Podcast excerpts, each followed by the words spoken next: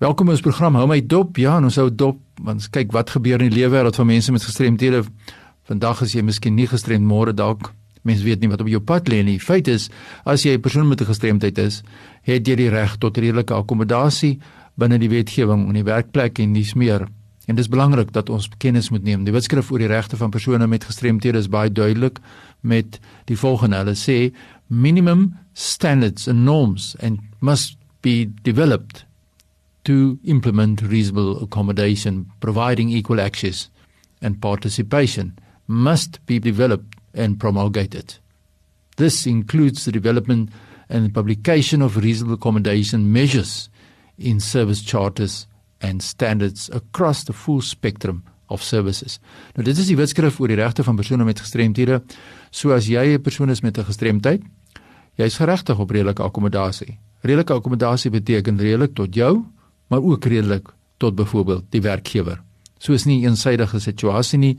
Die versoeke wat ons rig aan werkgewers moet redelik van aard wees. Maar waar kom ons uit? Hoe kry ons redelike akkommodasie ontwikkel en toegepas? Baie eenvoudig. Elke persoon is geregtig op 'n volledige funksionele verslag van die impak op sy of haar gestremdheid.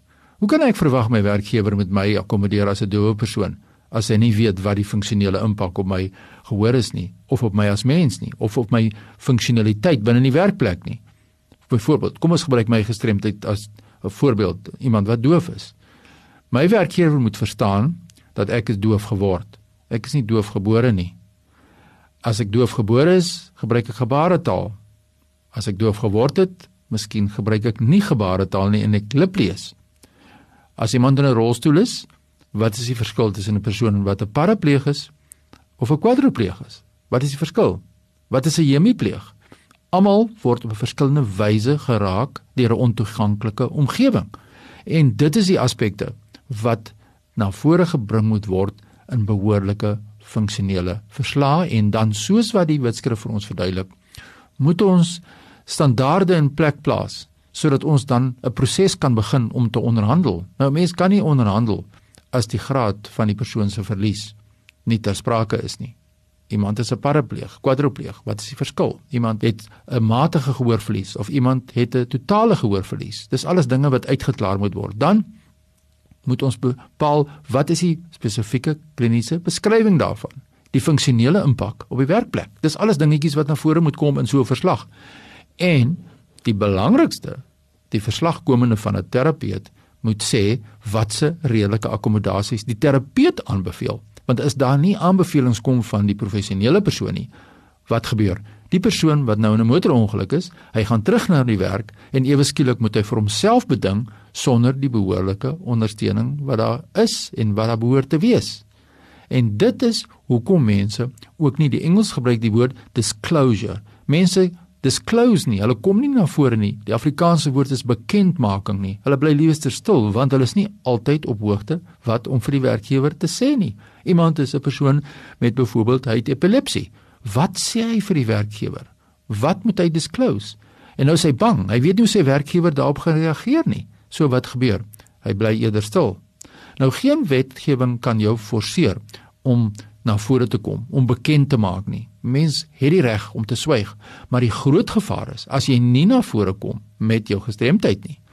En jy is byvoorbeeld die oorsaak dat iemand anders beseer word as gevolg van jou gestremdheid en jy het stil gebly, dan is dit 'n storie van 'n ander kleur. Dan kan groot probleme ontstaan. En jy kan ook nie onderhandel as jy nie na vore kom nie. So ek met my werkgewer sê presies wat is my gestremdheid, watter gestremdheid ek het of dit psigososiaal is of dit nou fisies is of dit intellektueel van aard is of dit neurologies van aard is, ek moet na vore kom en sê en dan moet ek soos ek verduidelik het 'n behoorlike verslag hê wat nie kliniese mediese terme verduidelik nie. Ons soek praktiese goed wat ter sprake is. Iemand het 'n psigososiale gestremdheid, sê nou maar, byvoorbeeld depressie. Depressie is 'n siekte toestand. Hierdie persoon moet geakkommodeer word in die werkplek. Wat sê die verslag van die psigiater? Verstaan die werkgewer of die persoon self wat daarin staan. Is dit tegniese terme, is dit kliniese terme? En daar moet praktiese goed in plek gestel word. En dan kan 'n mediasieproses ontwikkel. So ons wat in die veld werk van habilitasie is afhanklik van behoorlike funksionele verslae wat kom van die mediese professionele persoon sodat ons in die praktyk kan gaan sit en namens die persoon of saam met die persoon met 'n gestremdheid kan begin onderhandel hoe om hierdie persoon redelik te akkommodeer. En dan redelik ek kan nie onredelike eise aan my werkgewer stel as ek 'n persoon met gestremdheid is. Wat nie bekostigbaar of nie prakties haalbaar is nie so daar word wyde kante toe gekyk na al twee hierdie gevalle redelike akkommodasie redelik na werkgewer eh, sowel as werknemer met 'n gestremdheid. Indien jy nou worstel en jy wonder wat kan ek vra vir my werkgewer? Hoe kan ek redelik geakkommodeer word? Of jy voel jou werkgewer weier blaatant, sommer reguit en sê ek gaan jou nie akkommodeer nie. Die wet sê dit kom neer op regstreekse diskriminasie. Stuur nou 'n e-pos aan my en deel jou ervaring met my wat is jou suksesverhale want ek glo daar's baie mense wat suksesvol geakkommodeer word binne in die werkplek. En dis inderdaad so. Deel ook met ons daardie suksesverhale waar werkgewers regtig waar daardie ekstra myl loop om mense met gestremdhede op 'n redelike basis te kan akkommodeer. My e-pos is fani.dt by mweb.co.za ek sien uit na jou e-pos. Groetens tot 'n volgende keer